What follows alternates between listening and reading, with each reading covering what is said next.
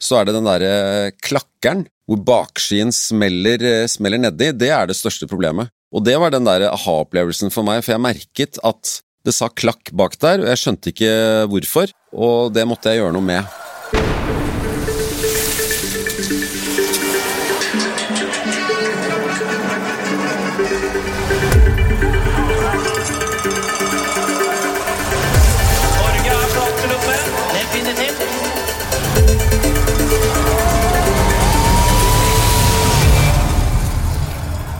Du hører på Folkefest, en podkast av Holmenkollen skifestival. Jeg heter Ingunn Vassvik Mikkelsen. Mosjonist Jon Almås og skilegende Marit Bjørgen, velkommen.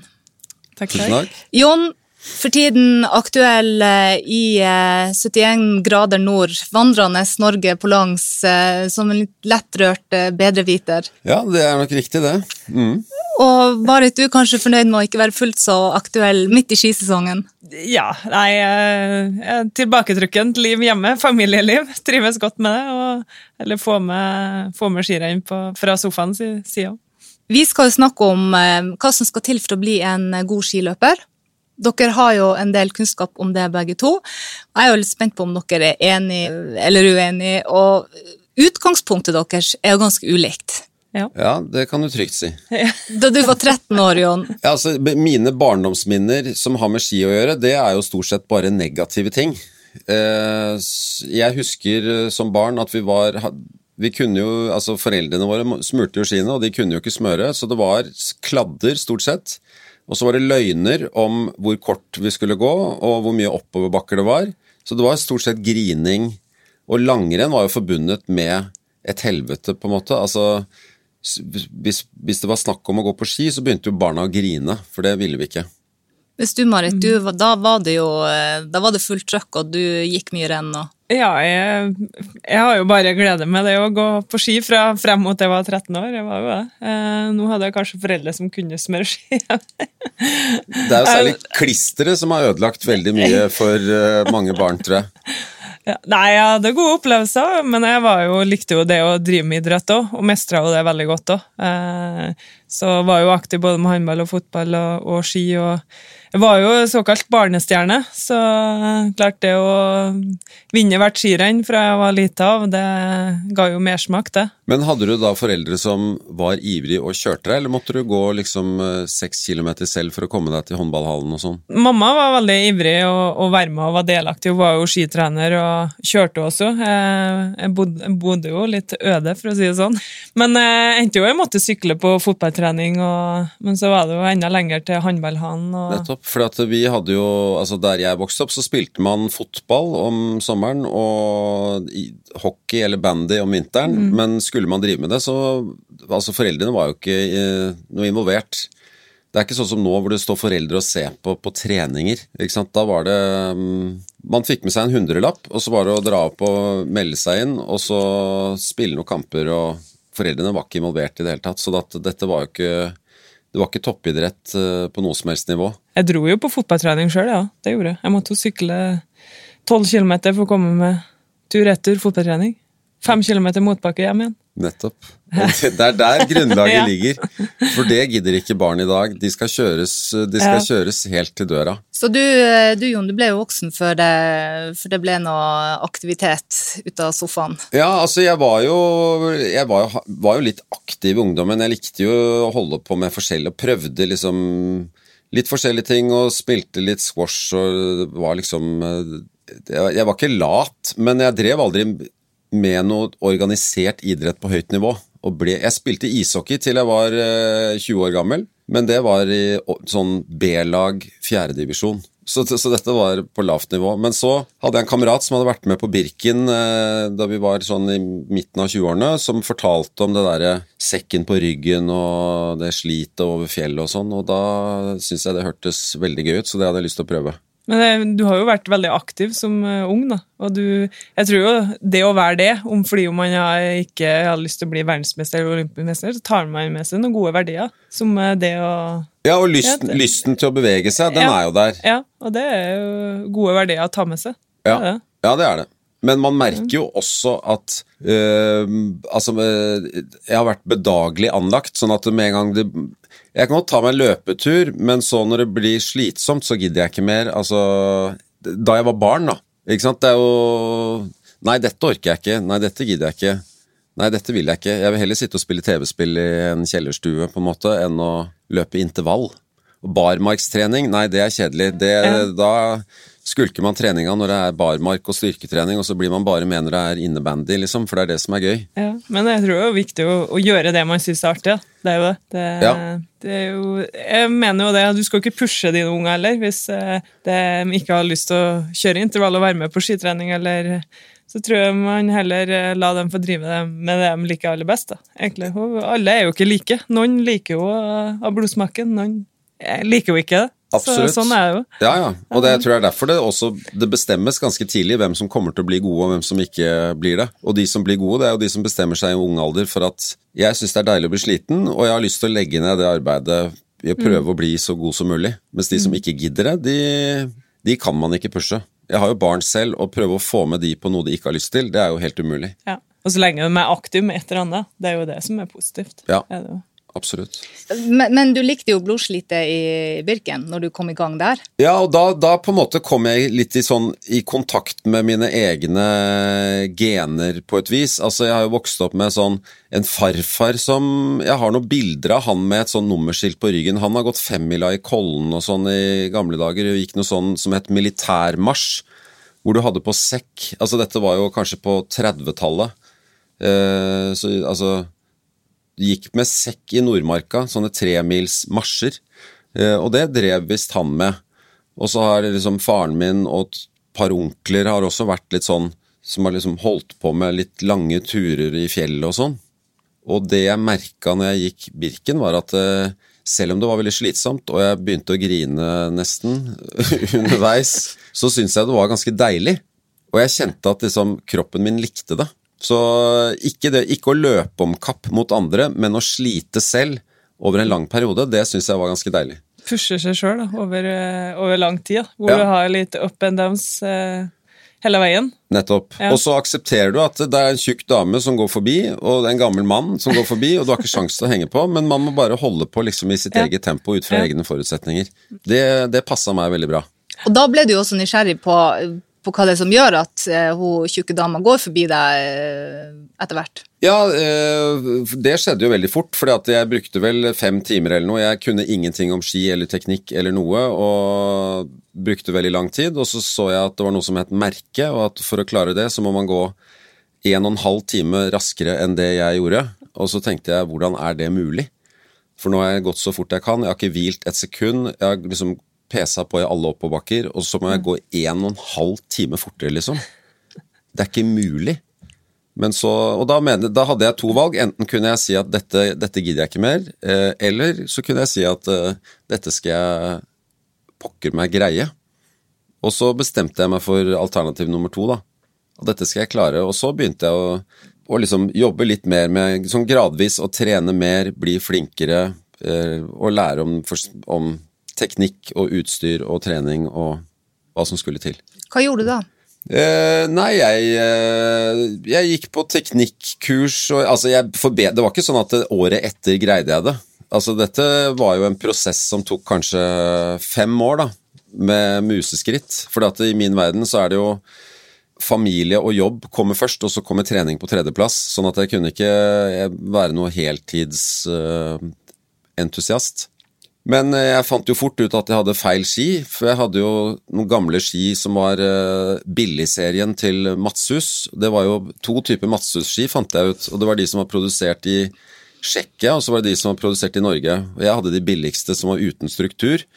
Og jeg hadde jo preparert dem særdeles dårlig, så jeg hadde jo altfor dårlig glid og Jeg tror jeg smurte festesmøring under hele skien òg, og det skal man jo heller ikke Du trenger ikke blå ekstra liksom fra tupp og helt ned, for da- får du veldig, veldig dårlig glid. Så det handlet om å liksom lære, lære det. Alt fra scratch. Så jeg kjøpte meg noen bedre ski, og, og så irriterte jeg meg over, over at teknikken var dårlig, for jeg merket at uh, det var folk som ikke, ikke så ut som de anstrengte seg i det hele tatt, som gikk mye fortere enn meg. Så jeg tenkte at her er det en eller annen hemmelighet som jeg ikke vet om, og den, uh, det må jeg finne ut hva er. Jon, du har jo kategorisert nordmenns skistil. Jeg har noen av dem her. Du har optimisten og stakeren og smøreren og naturelskeren og klokkeren og markatraveren. Jeg tror du var oppe i en sånn 15-20 kategorier. Hvor du vil plassere Marit? Marit er vel eh, Nei, hun er, eh, hun- hun er faktisk eh, Hun er i en egen kategori som ikke er blant de jeg ramsa opp der. Hun er av de du ikke ser i, i marka, for det er, bare, det er en sånn rød strek som bare Kors forbi. Ja. Ja, men det er noe, jeg merker jo når jeg går i marka, i hvert fall når jeg var aktiv, at det, det er jo Folk henger seg jo på. Og det syns jeg er litt slitsomt. Jeg husker jeg var å ligge på baksida mine. Og, Ja, for de skal sjekke om de kan ja, gå like fort? Ja, de skulle være med, og jeg gikk jo ro, rolig langkjøring, og de hang jo på her. Og nei, nå stopper jeg å drikke, og så slipper jeg dem forbi meg i stedet. Men da stopper jo den òg, for da var han sliten. så, men eh, jeg kjenner jo igjen litt av det du ramser opp her. Det er jo, du kan jo plassere folk. Du kan jo det. Ja, ja. Men den som er altså den største feilen, og den vanligste blant de som er Hvis du er en ambisiøs mosjonist, da, eller har lyst til å heve nivået fra å være en som går på eh, langrennstur til å gå liksom litt fortere på ski, så er det den derre klakkeren hvor bakskien smeller, eh, smeller nedi. Det er det største problemet. Og det var den der aha-opplevelsen for meg, for jeg merket at det sa klakk bak der, og jeg skjønte ikke hvorfor. Og det måtte jeg gjøre noe med. Og da gikk jeg på teknikkurs. Og det var jo teknikkurs oppe i eh, Holmenkollen med Steinar Mundal, eh, husker jeg. Hvor han filma, og hvor man lærte liksom et par triks for å unngå det, da. Hva lærte du da? Eh, nei, jeg lærte jo at den At man, man skal ikke At man Altså, nybegyn... Eller mosjonister tror jo at de skal sparke fra.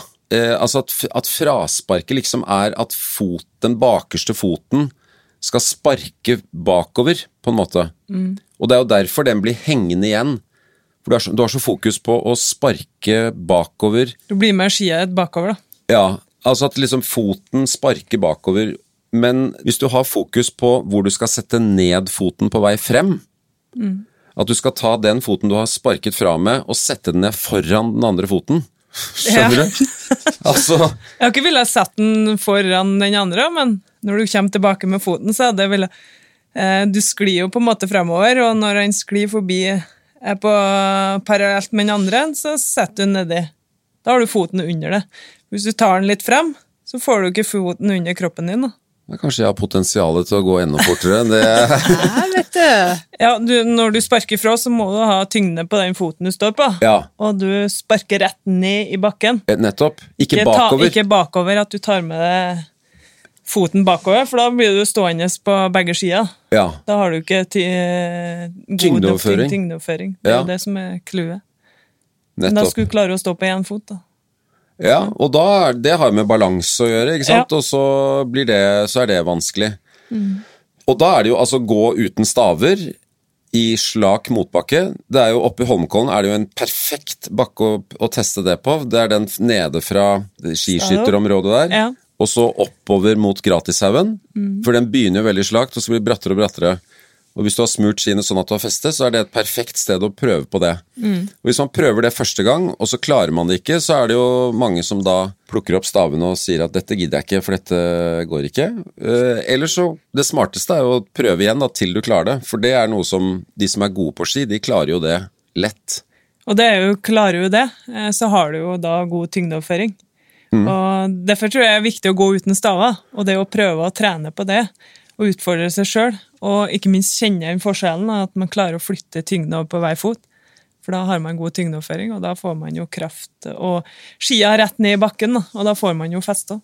Men det, det jeg har erfart gjennom Nå har jeg holdt på med dette i, som mosjonist på lavt slash middels nivå i mange år, og det er, er flere av disse begrepene som har tatt meg mange år å skjønne hva er det det egentlig betyr. Sånn som tyngdeoverføring, du hører det, og du liksom Du tror du skjønner det, men det, jeg har sånne aha-opplevelser den dag i dag. Og det er ikke eh, Altså, hofta fram, husker jeg jo det, sa jo han Steinar Mundal òg. Hofta fram. Og da trodde jeg at du skulle vri eh, hofta. rotere på hofta. Ja, du skulle rotere sånn at du fikk hofta fram Ja. på det benet som du liksom skulle gå med. Så prøvde jeg det, og da fikk jeg bare veldig vondt i ryggen. Men så har jeg skjønt i ettertid at hofta fram, hofta, er jo ikke entall, det er jo flertall. Så det betyr jo begge hoftene fram. Altså at ikke rumpa skal ut. Det er det som menes med det. Ja, men jeg tror jo gjør man eh, det riktige fotarbeidet, så kommer hofta av seg sjøl. Naturlig. Så jeg tenker at man ikke skal fokusere så mye av det. Man klarer jo å få flytte tyngden din over på hver fot. Klarer å stå på én fot, skli på én fot, kjenner jeg. Så blir jo at du har på en måte fallet framover. Da kommer jo hofta med naturlig, tror jeg. Så jeg tror jeg ikke tenke så mye på hofta, for folk klarer jo ikke å Som mosjonist så jeg tror jeg det er vanskelig å skjønne. Ja. Er det. Ja, det så var- det er jo å gjøre det enkelt, å forklare teknikk enkelt da, for en mosjonist. Det, det kan være utfordrende, fordi man oppfatter jo ting forskjellig. Ja, ja og, det- og det, man oppfatter ting forskjellig, og det er også de gangene man blir filmet, så får man veldig aha-opplevelser, Ja. fordi at du har en følelse av at du gjør det Du har en følelse av at du går sånn, du har en følelse av at du gjør det riktig, du har en følelse av at du ser ganske kul ut, og så ser du det selv på video, og da Mm. skjønner du at dette her er jo ikke spesielt Dette ser ikke veldig stilig ut.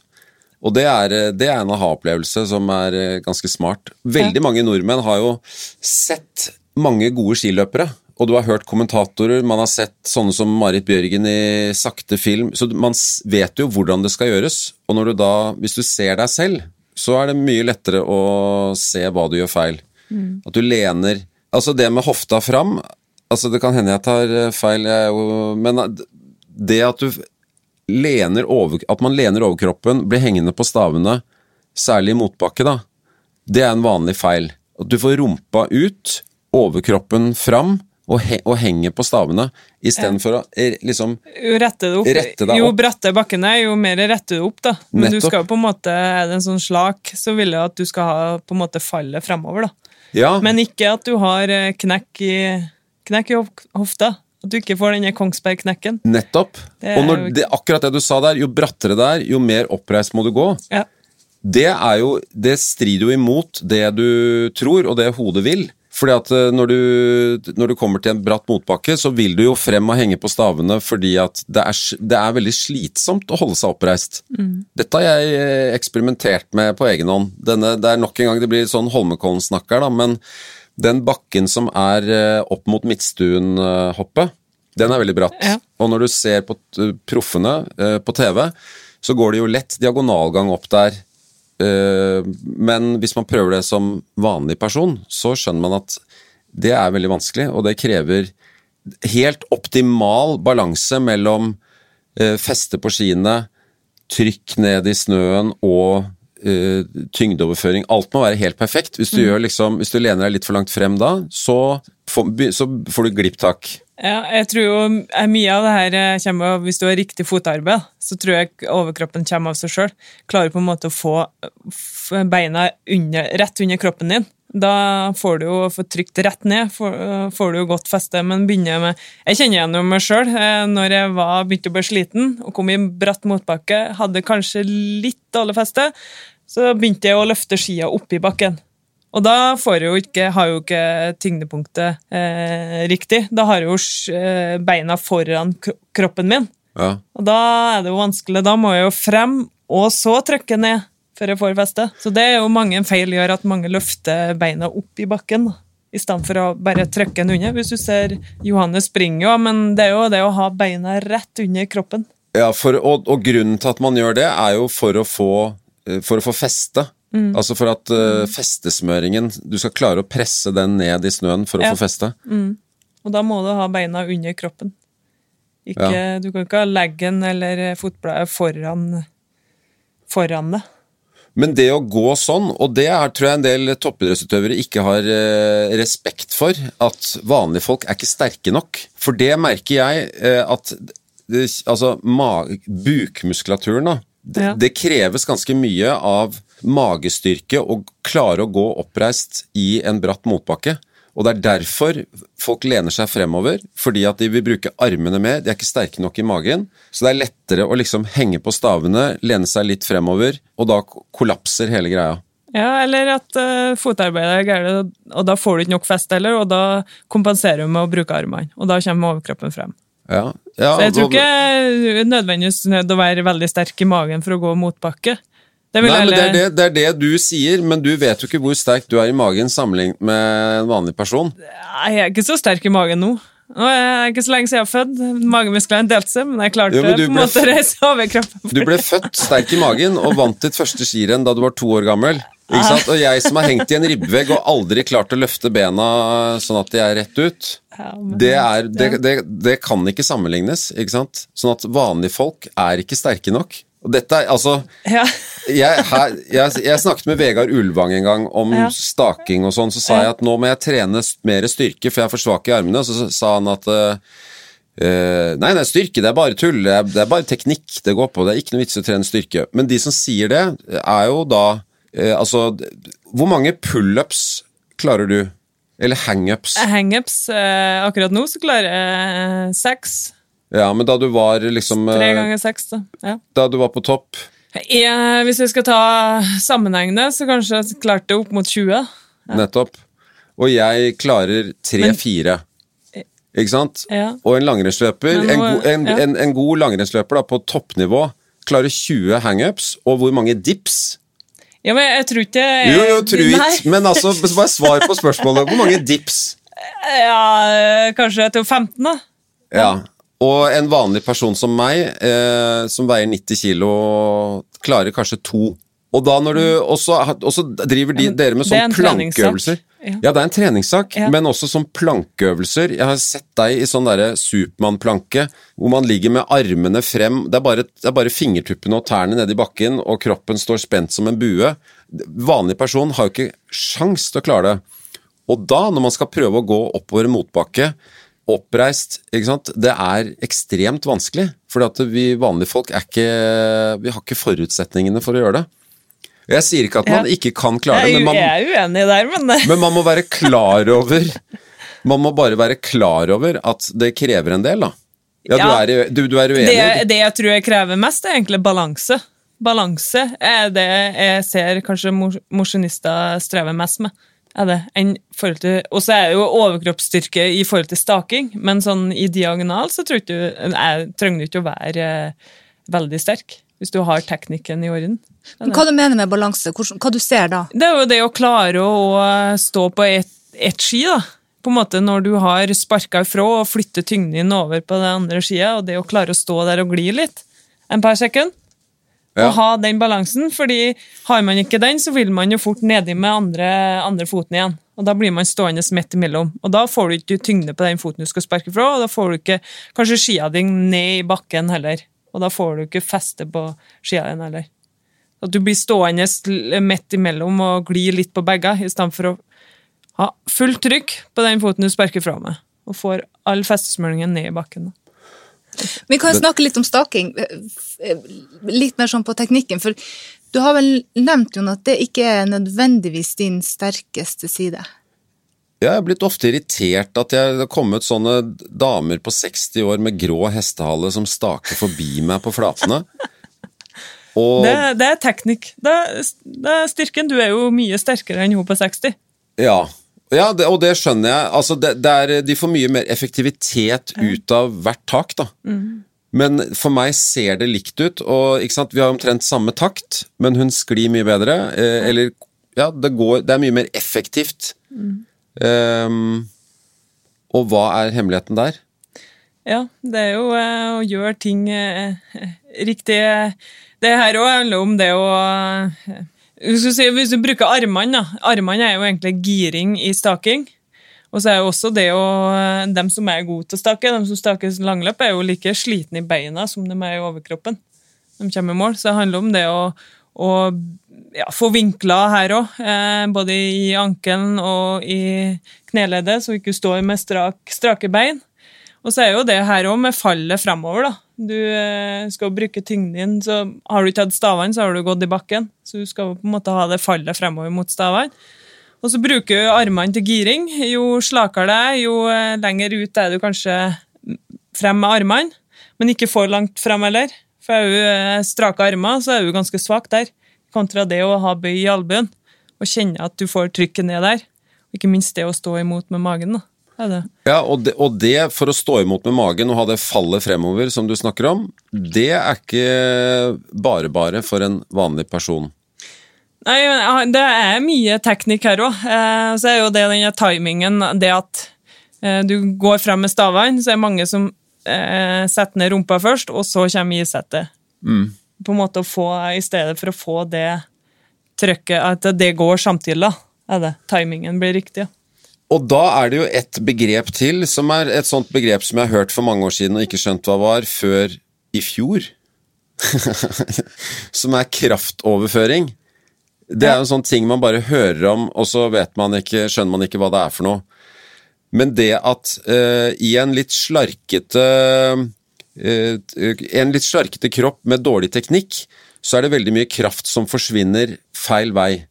Ja. Ikke sant? Sånn at hvis du setter i stavene, og, de, og du skal bruke de stavene til å drive deg frem Hvis da rumpa sklir bakover, altså du knekker i hofta og rumpa går bakover, Og i stavisettet kommer etterpå, da forsvinner krafta. da forsvinner kraften bakover, egentlig. Ja, eller du får jo ikke utnytta den kraften du har, da, i hele tatt. Du får ikke noe kraft over fra eh, stavitaket ditt, da. Nei, sånn at det er jo kraftoverføring betyr at du skal overføre den krafta som du liksom dytter ned i snøen. Du skal få overført den til framdrift. Ja, og da har du jo der fallet eh, Bruker krafta ja, på en måte i isettet. Da må man på en måte ha det fallet fremover. Bøy i ankelen og kneet. Og at eh, stavene òg er foran bindingen. Da. Litt foran bindingen. Er det. det er jo litt avhengig av hvor du er i terrenget.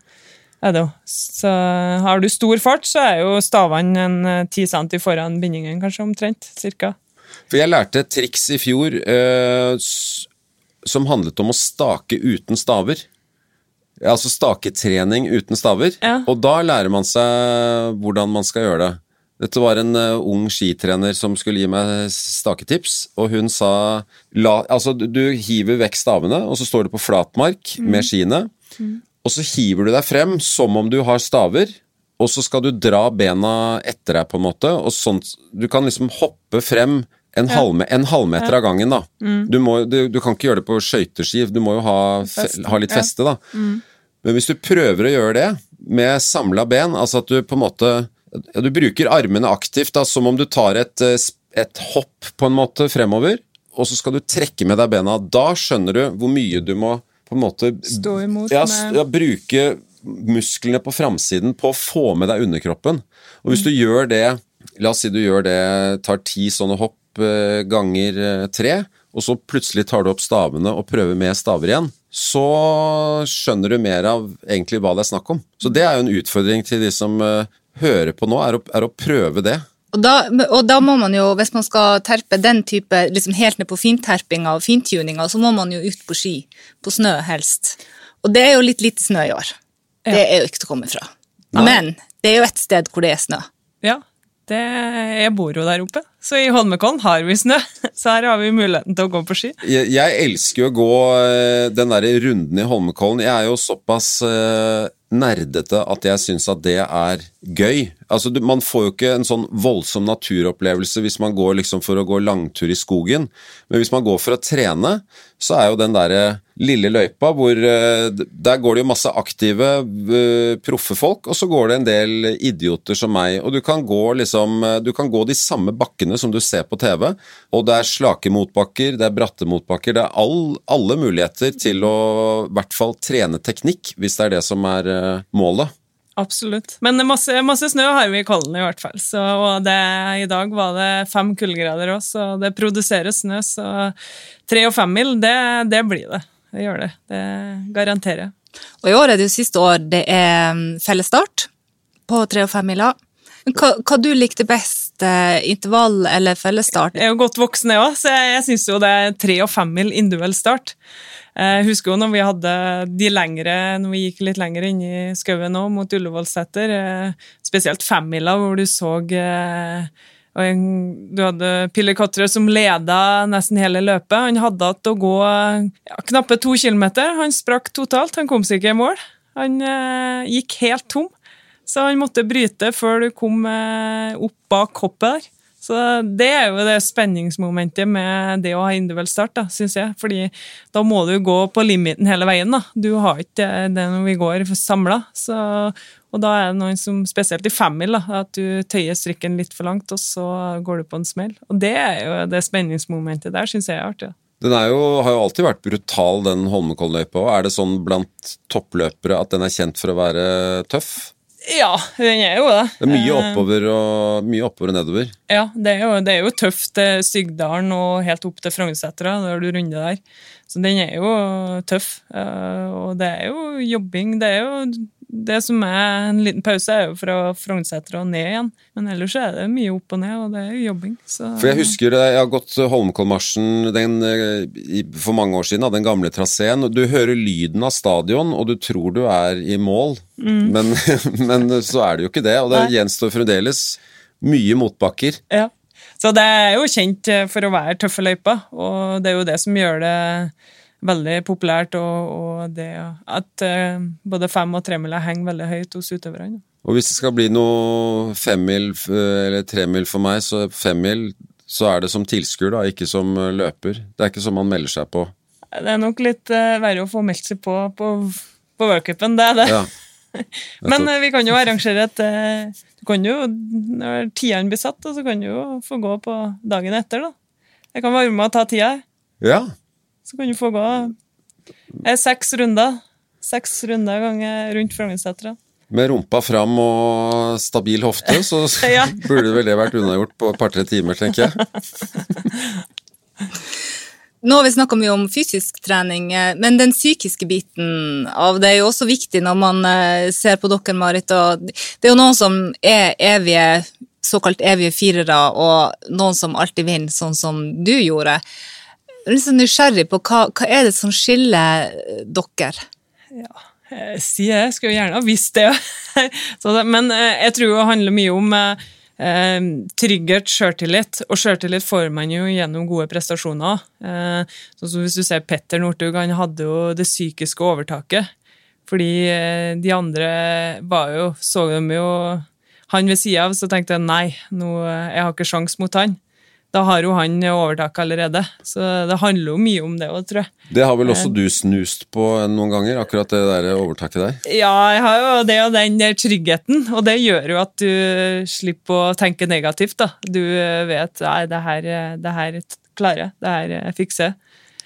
Det siste jeg gjorde i mesterskap, var jo tremila i Pyeongchang. Eh, og, jeg, tror- jeg sto jo på startstreken der. Jeg visste formen hadde blitt bedre og bedre. Den var der. Jeg hadde klisterføre. Jeg elska klisterføre. Jeg hadde gode ski på det. Eh, tremil passa meg perfekt. Eh, og da har jeg jo på en måte psykisk overtak. Og jeg sto jo på start der, så sier jo mine lagvenninner i dag tror jeg du vinner. Og da, da har jeg jo i hvert fall det psykiske overtaket. Så det handler mye om eh, den tryggheten og den roa du har da, på at du har gjort de riktige tingene. Ja. Men nå skal på lavt nivå, eh, men det er en- allikevel en sammenligning der. Eh, Jeg har en sånn gutteklubb som har en helgetur hver sommer, og der har vi en boccia-turnering. Eh, Og den vi har hatt dette her i 30 år, og i begynnelsen så vant jeg den noen ganger, men så hadde jeg en lang periode med tørke hvor jeg ikke vant. Og da begynte jeg å syke meg ned og si at eh, er en, eh, jeg er en dårlig konkurransemann. Jeg takler ikke presset. Jeg liksom eh, Det er to heat, ikke sant, og jeg liksom kommer til finalen, men når det er finalen, så blir jeg nervøs.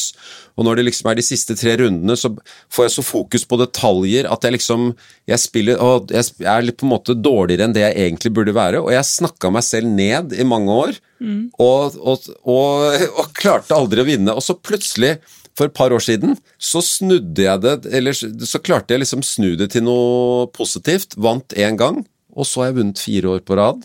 Ja. Og det er akkurat samme Det er samme personen, det er samme turneringen, men jeg har istedenfor å si til meg selv mange ganger at å, nå kommer finalen, dette kommer du ikke til å greie, du kommer til å svikte. Når det er, eh, når det er tre, tre runder igjen, så kommer du til å svikte, du har ikke sjans. Og, så da er jeg, selv, det, dette er jo på en måte, det er latterlig, og det er på lavt nivå, men det er allikevel beslekta med ja. Mm. på en måte, hva er det du egentlig sier til deg selv. Det hjelper i hvert fall ikke å si til deg selv at du er ræva, og dette kommer du ikke til å greie. Nei. Men hva du sa? Hva du sier nå, når du vinner? Nå vet jeg jo at jeg er best, og jeg kommer til å vinne antagelig neste år òg. Så det da, sier du da til deg tenk- selv. Da tenker du minst mulig. Det handler om å tenke minst mulig. For det går det inn og er bekymra og tenker mye og ja, det kommer til å gå galt, jeg får ikke til det, da har du tapt på forhånd. Altså. Det, eh, VM i Kollen, eh, 10 kilometer. Eh, Jeg lå eh, ja, 20 sekunder bak på det meste. Eh, Jeg begynte jo å bli sliten. Og jeg kunne begynne å tenke negativt, og jeg har vondt her og der, men da setter fokuset heller over på tekniske oppgaver. Som det å Ja, da sa jeg bare til meg sjøl ned og trykk, ned og trykk, ned og trykk. Og når jeg sa det, så tenkte, jeg- glemte jeg jo det at jeg var sliten. Så jeg har klart å holde farta oppe fortsatt. Så det er jo bare å sette fokuset på noen andre ting da, enn eh, de negative tinga. Ja. Ja, det. Og det er jo i OL i Vancouver hvor jeg plutselig gikk til finalen og jeg så eh, her har jeg faktisk muligheten til å ta et OL-gull. Og jeg kjente jo, jeg ble jo dritnervøs. Men det å sette da fokus på noen arbeidsoppgaver Jeg glemte jo det at eh, jeg var nervøs, da. Så Det kan man jo overføre til hva det måtte være, hvis man skal Ja. gjøre et eller annet som man eh, har litt nerver for. da. Ja. Ja, og eh, en annen ting som jeg har merket nå på, i, i 71 grader nord, da går man jo med folk som har ulike forutsetninger. Og hvis du da ser en bakke, så er det på en måte Det er tre, det er tre trinn på sånn en slitenhetsskala. Og det ene er du ser den bakken, og så tenker du eh, der orker jeg ikke gå opp. Der kommer jeg aldri til å klare å gå opp. Der orker jeg ikke gå opp. Eh, det går ikke. ikke? Det er trinn én. Og så er det eh, Du begynner å gå, og så kommer du opp i bakken, og så tenker du Jeg kjenner at jeg begynner å bli sliten. Dette kommer ikke til å gå. Eh, og så er det den siste, uh, som er den reelle slitenheten, som er at dette går ikke. Uh, nå kan jeg ikke gå mer. Da må du jo på en måte stoppe. Men det er veldig mange som gir seg på den, den, den første. At dette, dette tror jeg ikke jeg kommer til å greie. Ikke sant? Og, og selv om du Når jeg merker at jeg Det har jeg blitt flinkere til etter hvert. da du I Birkebeiner er det mange motbakker. Holmenkollmarsjen og Ikke sant. Når du, når du går du, du er sliten, og du ser en bakke, og så tenker du 'jeg kommer aldri til å klare å gå opp den bakken'. Eh, men det, det, man klarer mye mer enn det man tror. Så begynner du å gå den bakken, og så kjenner du blir sliten, og så tenker du 'nei, jeg kommer aldri til å klare å gå diagonalgang opp hele denne, nå må jeg gå ut i fiskebein'. Men du må jo ikke det, Nei. selv om du tror det. Så, så kroppen klarer mye mer enn hodet. Ja. Og hvis man klarer å liksom skjønne det, da, at du egentlig så kan du gå diagonalgang helt til Ikke til du dør, det vil jo være dumt, men, men man kan gå mye lenger enn det man tror. Ja, og så handler det om kanskje det å dele opp bakken. Tenke seg sette seg å, jeg skal gå diagonal opp dit. Så kommer man dit. Å, det her gikk jo lett. Og så tar man et nytt steg, og så deler opp eh, Ja. løypa. Det er jo eh, smart. Det kan jeg gjøre på intervall, hvor jeg kjenner at jeg begynner å bli sliten, og så Nei, jeg skal frem dit. Og så kommer jeg jo dit. Jeg tar eh, opp dit, da. Så flytter bare grensa. Bort til en lyktestolpe, eller bort til et tre, eller bort til en Ja. stein. Ja. Ja, ja. Bare flytte hun. Det her gikk jo lett likevel. Jeg klarte jo det. Så Ja. det er jo de, dele opp, da. Jon, eh, blir det noe langrenn, lange langrenn eh, nå i mars? Ja, Det ser litt skummelt ut akkurat nå, det skal jeg innrømme. Når, eh, når treningsturene blir, blir begrensa til sånne sløyfer oppe i Holmenkollen, så får jeg ikke Jeg får ikke forberedt meg godt nok. Og så har jeg noe jobb å gjøre som har ødelagt denne sesongen veldig. Akkurat nå holder jeg på med to forskjellige program som eh, skal på til høsten, så det er, eh, det er litt mye akkurat nå. Så jeg satser frem mot eh, neste sesong. Og da, og da sier jeg som jeg pleier å gjøre, at i, i år skal jeg begynne med rulleski. I sommer og høst. Og så skal jeg komme tilbake med full styrke i 2021. Men jeg, jeg får det jo aldri til, men jeg kan ha det som ambisjon. Det er bra. Ja da. Før vi runder av, skal vi gi tre tips til folk som de skal ha med seg i sekken når de skal ut og gå på ski? Jeg har jo en, jeg har jo en tredelt treningsfilosofi som er eh, moderat intensitet, god teknikk og sunn fornuft. Det er smart. Det er veldig bra. Ja, det. Og med det tror jeg vi sier tusen takk. Ja, Takk. Takk. Takk for meg. Takk for meg òg.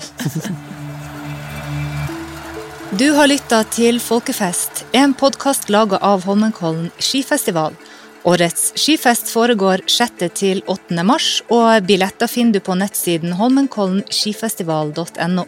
Flere episoder kommer fra oss. Følg med i podkastspilleren din. Der kan du også gi oss en rating. Takk for følget.